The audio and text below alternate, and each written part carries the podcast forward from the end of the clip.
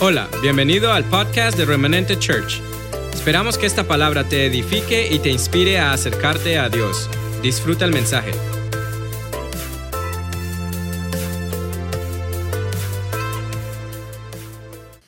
Y hoy quiero hablarte acerca de eh, romper la tradición, romper la tradición. Porque cuando yo miro la tradición nuestra, y especialmente cuando, cuando estamos en una diversidad de culturas, a veces el Evangelio ha sido infiltrado, o en mucha parte, no a veces, ha sido infiltrado por nuestra cultura. Entonces, cuando hablo de nuestra cultura, estoy hablando de, que las tradiciones vienen y nos establecen, establecidas en la cultura, nos establecen nuestra manera de creer, afectan nuestro sistema de creencias. Cuando nuestro sistema de creencias es afectado por la cultura o por la tradición, creemos conforme a la cultura y conforme a la tradición. Pero cuando mi sistema de, de creencias es afectado por la palabra, por el evangelio verdadero, entonces mi fe estará amparada y estará fortalecida y alcanzará esa medida que se me fue dada a través de Cristo. ¿Cuántos lo creen? Entonces, yo quiero esta mañana, cuando hablo de romper la tradición, que nosotros nos abramos, abramos nuestro corazón, nuestra mente, a inclusive ser, ah, voy a usar esta palabra y quiero que, hacerme entender en ella, a ser inclusive violentados en nuestra manera de pensar. Yo quiero en cierta manera violentar su manera de pensar esta mañana, pero a través de la palabra, no a través de, de mis conceptos ni a través de mis posiciones, sino a través de qué? De la palabra. Entonces, cuando estamos hablando de, de tradición, hablamos, pues bíblicamente dice la palabra en, Marcos capítulo 7, versículo 9, versículo 13, ahí habla mucho de esto, de que Jesús tenía una batalla constante con los fariseos, con los escribas, con los religiosos de la época, y les decía que ellos invalidaban, escuche esto, invalidaban la palabra, o sea, lo que Jesús hablaba, lo que salía de la boca de Dios, lo que Dios había implantado desde el principio, era invalidado por qué? Por sus tradiciones. O sea que la tradición empezó a afectar el sistema de creencias de ese entonces en el pueblo de Dios. Entonces, cuando yo estoy hablando de romper la tradición, es importante entender a qué me refiero con tradición. Digamos lo que que son costumbres implementadas por hombres cuyo fin es afirmar como, como una verdad divina. Escuche, coger una tradición y afirmarla como una verdad divina. Aquello que simplemente es un capricho de hombres o un dogma o, una, o un reglamento de hombres. Entonces Jesús venía a oponerse a ello. Déjeme hacerle esta introducción y explicar. Vamos a demorar un poquito más porque esta es una palabra que quiero que el Señor le permita a usted asimilarla e implementarla y, y afirmarla en su corazón. Esto empieza o, o, fue afectado, digamos, lo que, lo que opera hoy en cuanto a la tradición, en el areópago. Yo le prediqué hace unas, la última vez que prediqué, prediqué acerca del Dios que conocemos. El areópago era un lugar donde se adoraban los dioses y donde se establecía filosofía y religión. Estaba en Atenas. Y Pablo estuvo ahí, Hechos 17 nos habla de ello, todo el capítulo 17, especialmente a partir del 16, habla de cómo Pablo fue ahí a qué. Pablo tenía una carga grande y yo hoy también tengo esa carga, por decirlo de esa manera. No soy Pablo, pero bueno, también tengo esa carga. ¿De qué? De que eso que fue establecido ahí en el Areópago, fue establecida la estructura de pensamiento en cuanto a la moda, en cuanto a la economía, en cuanto a la política, en cuanto a la educación, fue establecida ahí en el Areópago. Era el centro, el headquarter del pensamiento filosófico, de la ideología, pero también de la religión. Estaba en la fuerza del movimiento estoico creado por Zenón, un filósofo muy influyente en la época. Y, y Pablo estaba preocupado, ¿por qué? Porque las nuevas generaciones estaban siendo afectadas por esa manera de pensar donde lo espiritual tenía que tener siempre una evidencia, donde lo espiritual tenía que ser materializado para realmente creer en algo. Entonces Pablo estaba muy preocupado porque él sabía que eso seguiría afectando generación tras generación. Y hoy estamos viendo eso, cómo esas tradiciones permeadas inclusive por teología, no solamente por filosofía o por ideologías, sino permeada también en cuanto a nuestra teología. ¿Me estoy haciendo entender?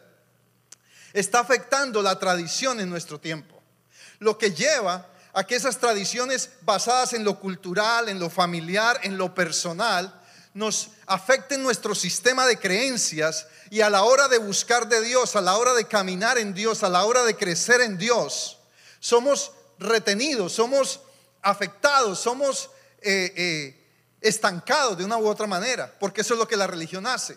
¿Por qué? Porque la religión lo que hace es coger la palabra, coger un texto y operar sin contexto. Entonces por eso es que encontramos muchos versos en la Biblia que le hemos dado una interpretación totalmente contraria al contexto que un pasaje trae, ya sea en los evangelios, en las epístolas o en el Antiguo Testamento. ¿Me hago entender, iglesia? Entonces, necesitamos venir en contra de ese sistema que ha establecido una religión y no un estilo de vida. ¿Para qué? Para que avancemos, para que crezcamos, para que nos demos cuenta quiénes realmente somos en Cristo, para que sepamos que se nos fue entregado un estilo de vida, no una religión, un estilo de vida basado en relación, no basado en dogmas, no basado en cultura, no basado en religión, no basado en, preceptos, no basado en conceptos, sino basado en la bendita palabra de Dios. Amén. Entonces, lo, duro de esto, perdón, es que esto ha sido transferido de, gracias, de generación en generación y sigue afectando nuestras generaciones. Entonces el propósito de esta palabra y lo que Dios me ha venido hablando, y esto lo he estado predicando en diferentes lugares, es que protejamos esta generación de la tradición, de la religión, de los preceptos, de los dogmas porque nuestros jóvenes, nuestra generación, no puede ser víctima de un sistema religioso como quizá muchos de nosotros lo hemos sido hasta ahora. ¿Cuántos lo creen?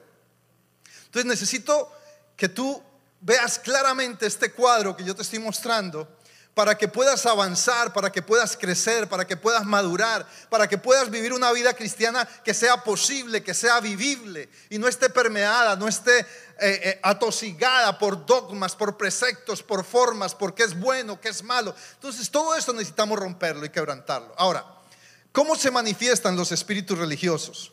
Por mucho tiempo la iglesia eh, honró por decirlo de esa forma, esos espíritus religiosos a través de la apariencia, donde la mujer fue víctima de la forma de vestir. En las iglesias se juzgaba la forma de vestir. En las iglesias siempre se juzgaba la, apariencia de la mujer. Y de esa manera calificaban quién era tan santa o no lo era. Aunque eso ha ido cambiando, lo fuerte de esto es que hoy por hoy, aunque eso ha cambiado y no, y no es esa religión tan, tan, tan eh, exterior, hay una religión que es conceptual, que es de preceptos, que es de conceptos, que es de posiciones mentales y que puede estar afectando a cualquiera de nosotros. Cosas en el pasado como la mujer calle en la congregación, eran cosas a las que todavía están aferradas muchas organizaciones religiosas. ¿Pero por qué? Porque han tomado un verso, han tomado un texto sin contexto. ¿Estamos? Y entonces de un solo, de un solo verso se crea una doctrina, se crea un dogma, se, crea un sistema de cómo caminar, de cómo ver a Dios. ¿Por qué? Porque la cultura que se ha, encargado de patrocinar la tradición nos ha hecho ver a Dios de una manera totalmente diferente. Entonces, cuando hablo de cultura, yo sé que aquí hay muchas culturas. Aquí pueden haber fácilmente ahora 15 culturas. Desde Sudamérica hasta Norteamérica, incluida Centroamérica, el Caribe. Entonces cada cultura trae consigo unas tradiciones. Y esa tradición afecta nuestra manera de creer, nuestro sistema de creencias, por lo tanto, afecta nuestra manera de ver a Dios. Me estoy haciendo entender, iglesia. Entonces, la idea es romper esas posiciones, esa forma que nosotros eh, eh, con la cual vivimos para ver a Dios y nos impide gozar de la plenitud de Cristo, de la plenitud del Espíritu. Usted podrá decir, ah, pero apóstol, esa, eso, es una prédica muy informativa. No, no lo es. Es una prédica que va a abrir tus ojos, va a abrir tu corazón para que tú revises tu sistema de creencias y te des cuenta realmente en qué estás basando tu caminar en Cristo. Porque fácilmente puedes estar estancado. ¿Basado en qué? En una esclavitud religiosa. ¿Por qué? Porque la, la religión o la tradición está vestida en la iglesia de tradición, está disfrazada de religión. Otra vez, la tradición se disfraza en la iglesia de religión. En los pueblos está vestida de cultura y en nosotros está vestida de fortalezas, de fortalezas mentales que nos impiden vivir una vida cristiana libre. Dice la palabra en Gálatas capítulo 5, versículo 1. Dice que estemos siempre libres. ¿Que estemos cuando? Siempre. Dígale que está al lado, siempre. ¿Libres con qué? Con la libertad con que Cristo me hizo libre. Y escuche, y que yo no esté otra vez sujeto al yugo de esclavitud. Entonces, cuando estamos hablando de, de, romper ese sistema religioso y esa tradición, no es traer un evangelio nuevo, no, es el mismo evangelio. Es simplemente que nosotros como iglesia, a través de la revelación, a través de la instrucción, a través de prédicas como estas, podamos tener claridad de lo que realmente el Evangelio significa caminado de acuerdo a la palabra y no de acuerdo a una religión. ¿Por qué? Porque el Evangelio real me lleva a un estado de relación. No nos enseñaron a tener que hacer esto para relacionarme con Dios. Y yo me pregunto, si yo me relaciono con mi esposa y con mis hijos, ¿cuál es la condición? No hay condición, pero la religión siempre te va a poner una condición para relacionarte con Dios. Lo cual te lleva a otro punto. ¿Estaré calificado o no estaré calificado para relacionarme con Dios? Entonces, ¿qué, qué encontramos? Encontramos que empezamos a calificarnos y autocalificarnos y calificarnos unos con otros. Y ahí es cuando vienen los juicios. Entonces la iglesia ha manejado un sistema de juicio totalmente equivocado. ¿Por qué? Porque ha sido basado en un precepto, ha sido los juicios han sido basados en una condición, han sido basados en un reglamento, han sido basados en un dogma, han sido basados en un solo versículo. Y al final terminamos que descalificándonos. Yo te voy a decir algo. Si tú todavía juzgas conforme a lo que ves, piensa en este versículo que te voy a dar. Romanos capítulo 8, versículo 33. Dice la palabra, ¿quién acusará a los escogidos de Dios? Si Dios es el que, ¿quién justifica? Entonces, ¿quién de nosotros estamos habilitados para acusar a un hijo de Dios. Hello. ¿Quién los condenará? Si Cristo fue el que murió en la cruz. En otras palabras, es como si Cristo se parara aquí y dice, a ver, como cuando lo dijo, que tire la primera piedra aquel que, cuyo aquel que esté libre de pecado. Ese versículo suena así. A ver, ¿quién se atreve aquí a acusar o a juzgar un hijo mío cuando yo fui el que morí en la cruz, cuando yo fui el que lo justifiqué? Pero todavía seguimos juzgando y somos deliberados en ello. Entonces, yo no te estoy trayendo otro, otro evangelio, te estoy es tratando de mostrar cómo la tradición nos estableció parámetros, nos estableció formas, para conducir la vida cristiana totalmente equivocada y terminamos viviendo una religión y no un estilo de vida como Cristo nos lo ha propuesto. Entonces, cuando, y de esto hay mucho, yo, yo voy a ser práctico en esto, aún en la vida de la iglesia, hemos las doctrinas las hemos tergiversado cuando pensamos en la Santa Cena, cuando pensamos, pensamos en, en, en, el, ayuno, cuando pensamos en la adoración. Yo lo he hablado mucho y este es un mensaje que no es nuevo. Yo he hablado de esto en, el pasado mucho, pero, pero este ha sido un tiempo donde Dios me ha estado inquietando y me ha dicho, tienes que romper, tienes, tienes que quebrantar, tienes que irrumpir para que mi pueblo sea libre, para que todo vestigio de religión, de tradición, de costumbres sea quebrantado dentro de mi iglesia, porque mi iglesia ha sido infiltrada por una cultura pagana y yo he traído una cultura de reino para que mi pueblo camine en libertad. Amén. Entonces, ese es el propósito. Entonces, hemos, hemos malinterpretado las doctrinas. Por ejemplo, la Santa Cena, que no es más que la Pascua, una celebración de la Pascua. Pero también se ha usado como un elemento calificativo dentro de la iglesia. ¿Quiénes están autorizados y son lo suficientemente santos para tomar la cena? Que se pongan de pie. Diga, ay, diga amén, diga algo. Entonces empezamos a calificar inconscientemente porque los ojos se, se activan. ¿Quién va a tomar la cena indignamente? Yo sé que a usted no le ha pasado eso, ¿verdad? En ninguna parte.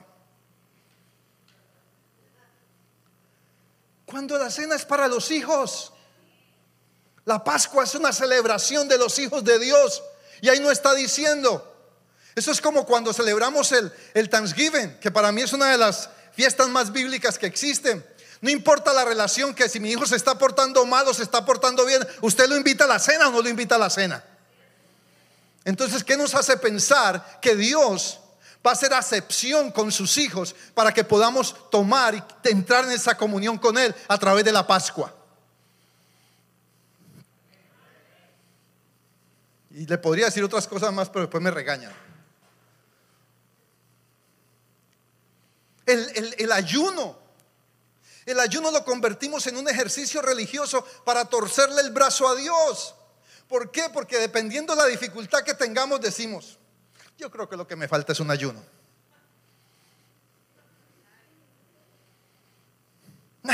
he orado, he vigilado y nada, pues ayunar. Tres días de ayuno. Ahora, no me malentienda, yo creo en el ayuno. Hay que ayunar, es bíblico totalmente.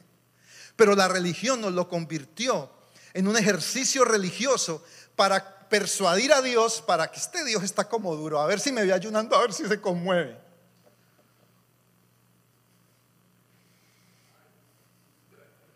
El, el, ayuno es un sistema de adoración a Dios. En el ayuno, cuando yo entro en esa comunión, en esa intimidad, a través del ayuno, estoy ofreciendo, estoy dando una ofrenda a Dios de algo que a mí me gusta, como es el comer. ¿Y a quién no le gusta? Entonces eh, estamos entrando en un proceso de adoración a Dios. Y lo he dicho muchas veces en cuanto a la adoración también. Tenemos la iglesia indefectiblemente. No lo hemos logrado, pero algún día lo vamos a lograr. Déjeme contarle una infidencia. Estaba yo en Colombia, en, creo que el pastor estaba ahí. Eh, yo hacemos unas cumbres pastorales cada tres o cuatro meses. Y les digo yo, Creo que si seguimos con esta creencia de la adoración como lo hacemos, sería mejor quitar la alabanza de la iglesia. Y les dije, a mí me gustaría quitar este sistema de alabanza que, que tenemos. Y ellos se quedaron como impávidos. ¿Qué quería yo decir? La iglesia tiene que dejar de adorar a Dios porque se siente bien. La iglesia tiene que dejar de adorar a Dios porque es el momento en que me quebranto. Y Dios toca mi corazón. Y me tocan las que me gustan. Las tres rápidas y las dos lentas que más me gustan.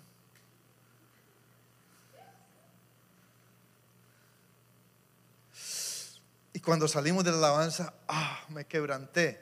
Y resulta que la alabanza era para darle ofrenda y adoración a Dios pero me la terminé dando yo mismo.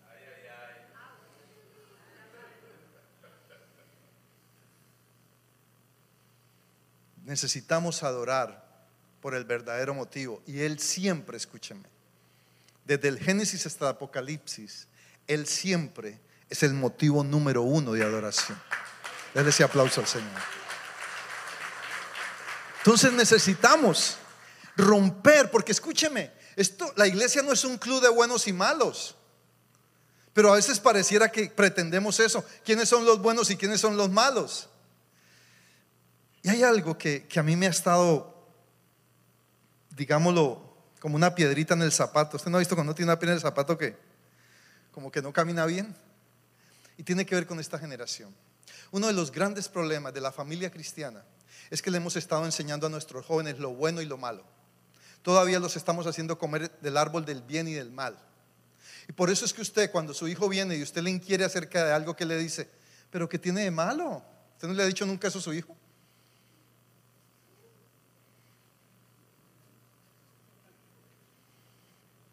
Porque le hemos enseñado lo bueno y lo malo, no le hemos enseñado lo correcto. Porque cuando tú le enseñas lo correcto a tu hijo, entonces él no tiene excusa. O hace lo correcto o hace lo incorrecto. No hay opción de calificar. Pero como los hemos enseñado, entonces ¿qué sucede? Que lo bueno y lo malo es conceptual. Es conceptual totalmente. ¿Por qué? Porque lo que para ti es bueno, para mí puede ser malo. Lo que para mi hijo es bueno, para mí como papá puede ser malo. Para lo que para mí como papá puede ser bueno, para mi hijo puede ser malo. Entonces se vuelve qué? Conceptual, un tema de concepto, no un tema de principio. Por eso esto, póngalo en Facebook lo que le voy a decir. Lo bueno y lo malo está basado en conceptos. Lo correcto está basado en principios. Entonces, a través de ello, podemos establecer un estándar posible, un estándar alcanzable. No podemos heredarle a nuestros hijos, a esta generación, ese sistema religioso del cual nosotros hemos sido esclavos y que se nos ha sido impuesto por la cultura, por la familia inclusive. yo sé que esto que voy a decir suena fuerte porque no es que no nos gusten las raíces. Yo estuve en un restaurante hace ocho días que prediqué en Manizales. Me llevaron a un restaurante muy típico, donde habían danzas colombianas. Y fue muy bonito, eran las, las raíces, ¿no? Es parte de la cultura, un pueblo que llama Neira, ahí en, cerca de Manizales. Y es parte, o sea, no es que no hayan cosas que sean rescatables, pero no pueden afectar nuestro sistema de creencias. Me hago entender. Hay cosas que disfrutar de nuestra cultura, sí, la comida, eh, las danzas, la parte de arte, hay cosas lindas, pero no pueden influir en nuestra manera de ver a Dios. El tema es que nuestra cultura y nuestras tradiciones, ya sean familiares o ya sean de, los pueblos, han venido a afectar nuestra manera de ver a Dios. Entonces, ahí sí volvemos al areópago. Vemos diferentes dioses. Ahí habían monumentos a 12 dioses en el areópago y uno más, un treceavo, que era una placa que decía al Dios no conocido, que, que fue el del que Pablo fue a hablar. Entonces, ¿Qué sucede? Que, cuando hablamos de casi 15 culturas, entonces fácilmente, no yendo muy lejos y lo digo con mucho respeto, fácilmente, si yo le pregunto a cada uno de ustedes cómo ve a Dios, de una u otra manera está permeado por la cultura. No fue que así fue que me enseñaron mis papás. ¿Quién no ha dicho esa frase alguna vez? Que tire la primera piedra. Entonces nos damos cuenta que hemos suplantado al Dios de la Biblia, al Dios no conocido. ¿Por qué? Por un Dios permeado de cultura, acomodado a la cultura, acomodado a la tradición, acomodado a las costumbres. Y Jesús peleó constantemente con eso. Entonces, cuando venimos a la iglesia, traemos ese bagaje. Y claro, en la iglesia, cuando venimos al Señor, nosotros Dios encontramos, nos encontramos con el Espíritu Santo, nos encontramos que somos equipados con dones espirituales, con unción, con poder. Pero aún eso todavía queremos seguirlo manejando de acuerdo a nuestro sistema de creencias. Entonces usamos los dones incorrectamente. Cuando yo tenía 17 años, yo estaba portándome bien, porque a veces pues, yo me crié en el Evangelio, pero a veces tenía mis deslices. Y yo en esa época me estaba portando bien, yo estaba metido orando, ayunando, leyendo la palabra, predicando. Y viene una hermana y me dice, te dice el Señor, porque eso lo asustan a uno. Te dice el Señor cuando ponen esa voz, te dice el Señor. Yo me asusté. Y lo que me dijo fue totalmente diferente a lo que yo estaba viviendo. Y ese día le voy a decir algo. Yo me rebeldicé contra el sistema religioso y sigo rebelde. Contra un sistema que nos ha robado la plenitud de vida en Cristo. Que nos ha robado el vivir un evangelio conforme a la palabra, conforme a propósito, conforme no a las costumbres, no a la vestimenta espiritual, sino conforme a la palabra establecida por Dios e implantada en nuestros corazones. Necesitamos romper ese sistema que traemos, porque está impidiendo que crezcamos, está impidiendo que la buena palabra que nos dan cada domingo realmente sea asimilada, porque pasa por el filtro de la religión. Todos pasamos la palabra que escuchamos por el filtro de la religión o de la tradición o de la manera como vemos a Dios. Entonces, cuando nos hablan algo nuevo, lo primero que pensamos inconscientemente es en falsa doctrina. Por eso la iglesia no avanza. Porque hay una paranoia de que todo es falsa doctrina. No, hay un fundamento de la palabra en tu vida que responde a la buena doctrina. Amén. Y que te da esa seguridad, te da esa cobertura para que todo aquello que tú escuches lo pases por el filtro de la palabra y no por el filtro de la religión ni por el filtro de la tradición.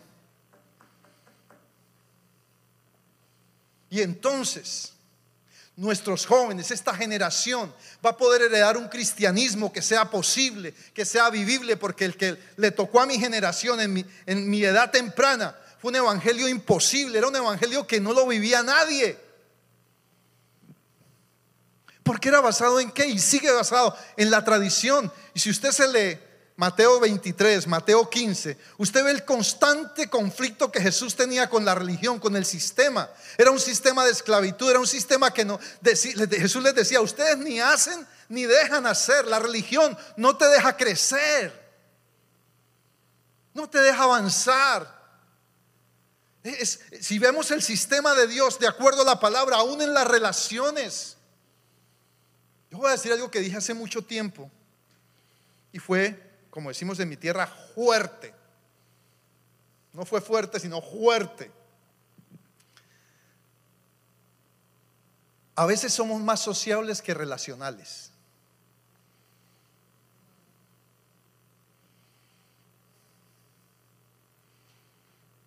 Lo relacional establece comunión.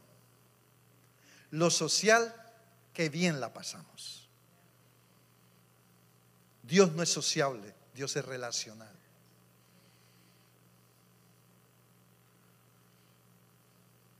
Porque lo sociable está ligado a la sociología. Lo relacional está ligado a Cristo. Dios es relacional. Y a veces cuidamos más lo social que lo relacional. Escuche esto. Dios no es mi camarada, es mi Padre.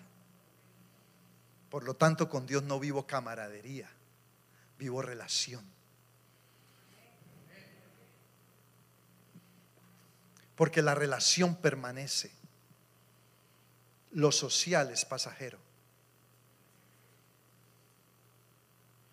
Entonces necesitamos entrar en un tipo de cristianismo que en vez de estar promocionando tanto los códigos morales, promocione los principios. Porque esto no es un club. Esto es el reino, esto es la iglesia. ¿Y por qué esta palabra? Porque cuando yo escuchaba que estamos haciendo iglesia 10 años, no estamos haciendo iglesia 10 años para tener una metodología o tener un proyecto en que entretenernos. Estamos pensando en iglesia 10 años para que haya un efecto transformador en el pueblo de Dios, de tal manera que en 10 años haya fruto, haya un pueblo que influencie la sociedad, que influencie la humanidad. Estamos. No es un programa social lo que estamos haciendo. Para programas sociales tenemos las fundaciones, tenemos las corporaciones, pero para establecer reino está la iglesia. Entonces es importante que nosotros asimilemos una palabra de estas. Porque cuando hablamos de religión estamos hablando de un sistema, el cual el enemigo ha usado por siglos para reglamentar la iglesia, para que haya un sistema de, de manipulación, de control. Porque a través de la religión se nos ha robado el propósito el propósito que Dios marcó para nuestra vida, donde somos regidos más por la tradición que por la palabra. Y eso no puede seguir sucediendo. Y yo me voy a levantar este tiempo cuantas veces sean, veces sean necesarios hablar de esto. Porque yo sé de lo que te estoy hablando. Yo no estoy improvisando en esto. Yo me creo con autoridad de hablar lo que te estoy hablando. porque lo conozco, porque lo he vivido, porque lo veo, porque en cada lugar donde voy veo cómo la cultura está afectando nuestro sistema de creencias, porque veo cómo la tradición mantiene esclavizada a la gente en formas, en, en usos. Y mira lo que dice Colosenses capítulo 2, versículo 20, en adelante, si, si lo puedes colocar.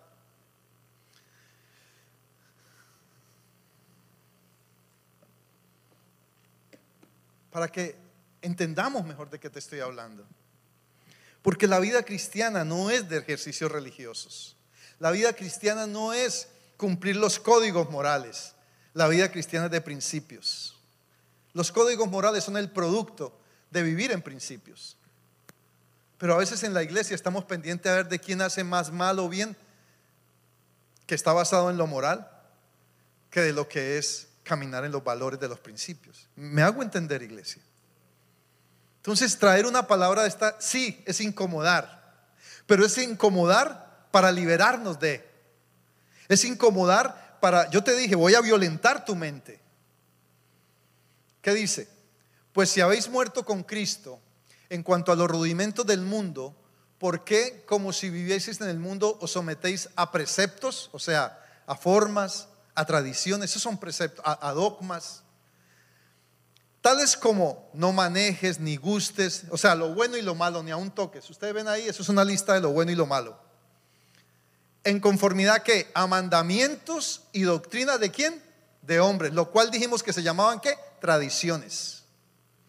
Porque dijimos que la tradición es un capricho del hombre que toma una palabra y la quiere convertir en algo divino cuando realmente es una posición mental. En conformidad a mandamientos de hombres, cosas que todas se destruyen con qué? Con el uso. La doctrina, la palabra y los principios no se destruyen con el uso. Los conceptos y los preceptos sí. Las posiciones se destruyen, cambian de una cultura a otra, de una tradición a otra. Luego dice, tales cosas tienen a la verdad, esa palabra cierta ahí es tan clave. Eh, eh, eh, como algo así, ¿no? tienen a la verdad cierta reputación. Como cuando a usted le dicen algo y, mm", ¿no? ¿No le pasa que a veces como que, ah, como que usted se lo a regañadienta se lo traga? Ah, ah". ¿No? Eso más o menos esa palabra. Cierta reputación. ¿En qué? De sabiduría. ¿En qué? En culto voluntario. En otras palabras, si a usted le da la gana. En culto voluntario en humildad y en duro trato del cuerpo. Pero mire que esto, es definitivo, esta parte. Pero no tienen qué. No tienen qué. Valor alguno. ¿Contra qué? Contra ser espiritual. O al momento de ser espiritual. Ahí lo dice específicamente contra los apetitos de la carne. Romanos 8:13 dice, que solo por el Espíritu, escúcheme, solo por el Espíritu, Romanos 8:13, no 33, 13, solo por el Espíritu hacemos morir las obras de la carne, no por ejercicios religiosos. Entonces, nuestra transformación va a partir no de una religión, no de una tradición, no de una cultura, no ni siquiera de los usos familiares, sino de los principios eternos que están basados en lo que Dios habló y sigue hablando para su iglesia. Entonces necesitamos, si queremos vivir una vida plena en Cristo, necesitamos entrar en esa dimensión de un evangelio posible. Y vuelvo y le repito y hago mucho énfasis, me importa mucho esta generación. Y yo lucho que no le heredemos a ellos ese sistema religioso porque lo vamos a perder. Necesitamos heredarles un evangelio verdadero. Así no sea perfecto, pero que sea verdadero. Así no sea que, que, pero es que a veces queremos aparentar un evangelio. Dejemos de aparentar un evangelio. Seamos más reales, más veraces en el Evangelio que vivimos, para que nuestros jóvenes puedan creer en algo, porque déjeme decirle algo, solo lo que está amparado por verdad es lo que hace efecto. Solo lo que está amparado en la verdad de Cristo es lo que imparte, lo que imprime en el corazón de otro. Lo que yo hago por apariencia o lo que yo hago por, por formalismo, lo que yo hago por religión, por tradición, no transforma, no cambia, no imparte, no soluciona. Por eso nuestros jóvenes están tan incómodos y no nos digamos mentira. Nuestros jóvenes están incómodos con el sistema religioso que se les ha heredado. Necesitamos darles un evangelio real, bíblico, aunque sea menos, sin tanta arandela, sin tanta revelación. Porque es que les complicamos la vida y el Evangelio es sencillo, el Evangelio es simple. Y ese es el Evangelio que nuestros jóvenes necesitan. Que les demos la oportunidad de que ese Evangelio opere en sus vidas para que realmente los transforme. No calificándoles todo el tiempo lo bueno y lo malo. Se lo aseguro, Padre, que si usted le enseña a su hijo lo que es correcto, él va a aprender a darse cuenta qué es lo que tiene que hacer. Y si hace lo incorrecto, pues ya sabía. Pero no te viene con historias. Ah, es que yo no sabía o yo no lo vi como malo. No, él va a saber que hizo lo malo. O lo bueno. Que hizo lo correcto o lo incorrecto. Pero seguimos creando códigos basados en qué? En tradiciones. Seguimos creando códigos basados en religión. Pero hoy el Señor nos está llamando Así que necesitamos vivir una vida de convicción y no de religión. Porque la religión tiene que ver con depender de un sistema. Un sistema que manipula, que controla, que crea codependencia. A veces entre nosotros creamos codependencia porque la religión, para poder asegurar algo, creamos codependencia. Y entonces vivimos en camaradería. No, viva en relación. Porque una relación viene de la naturaleza de Dios, porque eso es Dios. La camaradería nos expone. Dios no es mi camarada, Dios es mi Padre, es tu Padre. Y necesitamos entrar, nuestros hijos necesitan ver eso, que Dios es relacional, que Dios es posible, que Dios es alcanzable, no por un sistema, no por una tradición, no porque me han dibujado un Dios de la manera que la tradición me lo dibujó, como lo hacían los fariseos delante de Jesús. Y entonces terminamos con esto. Mire lo que pasó. Ya termino con esto. Jesús se enfrentó y fue tan fuerte, Jesús estaba tan cansado de eso, que mire lo que les dice en Mateo 23 a partir del versículo 23. Hay de vosotros escribas y fariseos, le está hablando a los religiosos hipócritas, porque diezmáis la menta y el eneldo y el comino y dejáis lo más importante de la ley, la justicia, la misericordia, la fe. O sea, estaban más pegados de la práctica que de los principios. Esto era necesario hacer sin dejar de hacer aquello. Guías ciegos, está hablando de la religión, que coláis el mosquito y traigáis el camello. Y le empieza a decir un discurso. Hay de vosotros, escribas y fariseos hipócritas, porque limpiáis lo de afuera del vaso y del plato, pero dentro está lleno de robo y de injusticia. Fariseo ciego, limpia primero lo de dentro del vaso y del plato para que también lo de fuera sea limpio. Versículo 27. esto era Jesús confrontando a los, a los religiosos, al sistema religioso, más que hablar de una persona, era el sistema religioso, al sistema tradicional. Hay de vosotros escribas y fariseos hipócritas, porque sois semejantes a sepulcros blanqueados, que por fuera a la verdad se muestran hermosos, mas por dentro están llenos de huesos de muertos y de toda inmundicia. Así también vosotros por fuera a la verdad os mostráis justos a los hombres, pero por dentro está lleno de hipocresía e iniquidad. Hay de vosotros escribas fariseos hipócritas, porque edificáis los sepulcros de los profetas y adornáis los monumentos de los justos. Eso es lo que la religión hace. Buscar siempre un sistema de apariencia, un sistema de comodidad y decís, si hubieseis vivido en los días de nuestros padres, no hubiéramos sido sus cómplices en la sangre de los profetas. Así que dais testimonio contra vosotros mismos de que sois hijos de aquellos que mataron a los profetas. Vosotros también llenad la medida de vuestros padres. Y de ahí les dice generación de, o sea, era, era molesto con el sistema religioso. ¿no? Yo no estoy tratando de decirte nada, es, es la molestia que el Señor tenía con el sistema religioso. Usted puede entenderlo ahí. Le doy esa tarea, le hace todo ese capítulo. Mateo 15. Era, era, era un conflicto en el corazón de Cristo. Era un conflicto en su diario vivir. Eran su peor enemigo, el sistema religioso. No era el diablo. Él sabía que al diablo lo, iba a vencer. Y por eso es que en, en Juan 10:10, 10, cuando dice el ladrón no viene sino para matar, hurtar y destruir, precisamente no se refiere al diablo, se refiere al sistema religioso. Yo le podría decir muchos versículos, sino que no hay tiempo ahora, de que fueron sacados del contexto. Está hablando el Señor de una cosa y tomamos un solo versículo para crear una doctrina. Eso es el sistema religioso. Siempre usará un solo versículo para esclavizar, para manipular, para controlar, para crear codependencia. Amén. Entonces hoy vamos a decirle, Señor, yo quiero renunciar. Y yo sé que es duro, créame, y obviamente esto es una decisión personal. Yo amo muchas tradiciones de nuestras culturas, pero no pueden afectar mi sistema de creencias, para nada.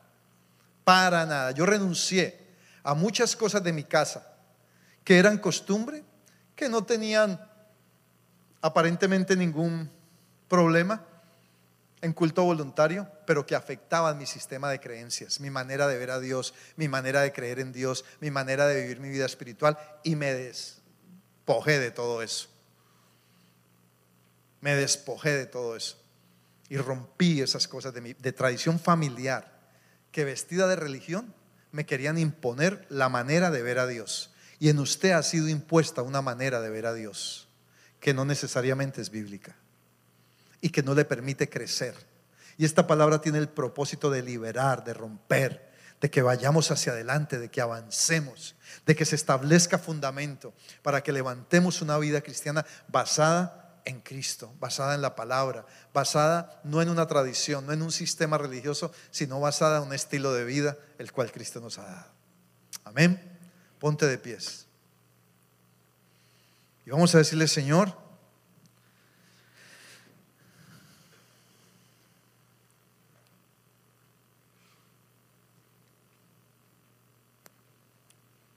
dile al Señor esta mañana lo que hay en tu corazón, lo que tú quieres en tu corazón. Y no te dé miedo renunciar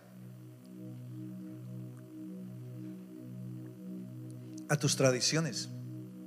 Hablo de aquellas tradiciones que, que afectan tu manera de creer en Dios, que afectan tu fe, que afectan, y, entiende por sistema de creencias, y hubo muchas cosas que pasé.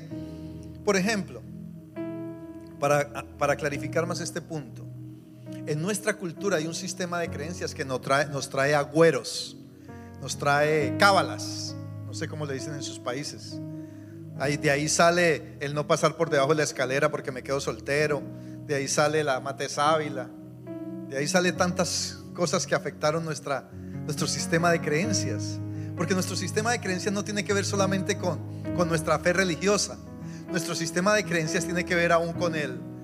Déjeme contarle esto lo que son las culturas. Mi abuelo, una vez yo me golpeé una canilla y mi abuelo era un hombre de Dios tremendo. Y entonces me dijo, mijito, póngase pañito de salmuera. Y sabe yo qué hice, me fui para la plaza de mercado a buscar una rama que se llamaba salmuera. Y yo anduve, me acuerdo tanto, cogiendo, anduve toda la plaza de mercado. Tiene salmuera, señor, donde vendían ramas. O sea, usted sabe que en nuestros países venden las ramas para la bebida, para... Eso es muy, eso es muy de nuestras costumbres, ¿verdad? Sí, o estoy hablando solo de Colombia. Y yo cogí y cogí y déjele y no, no, no encontré. Pues fui estando de una señora amiga de la familia, le dije, doña Custodia, eh, ¿usted tiene salmuera?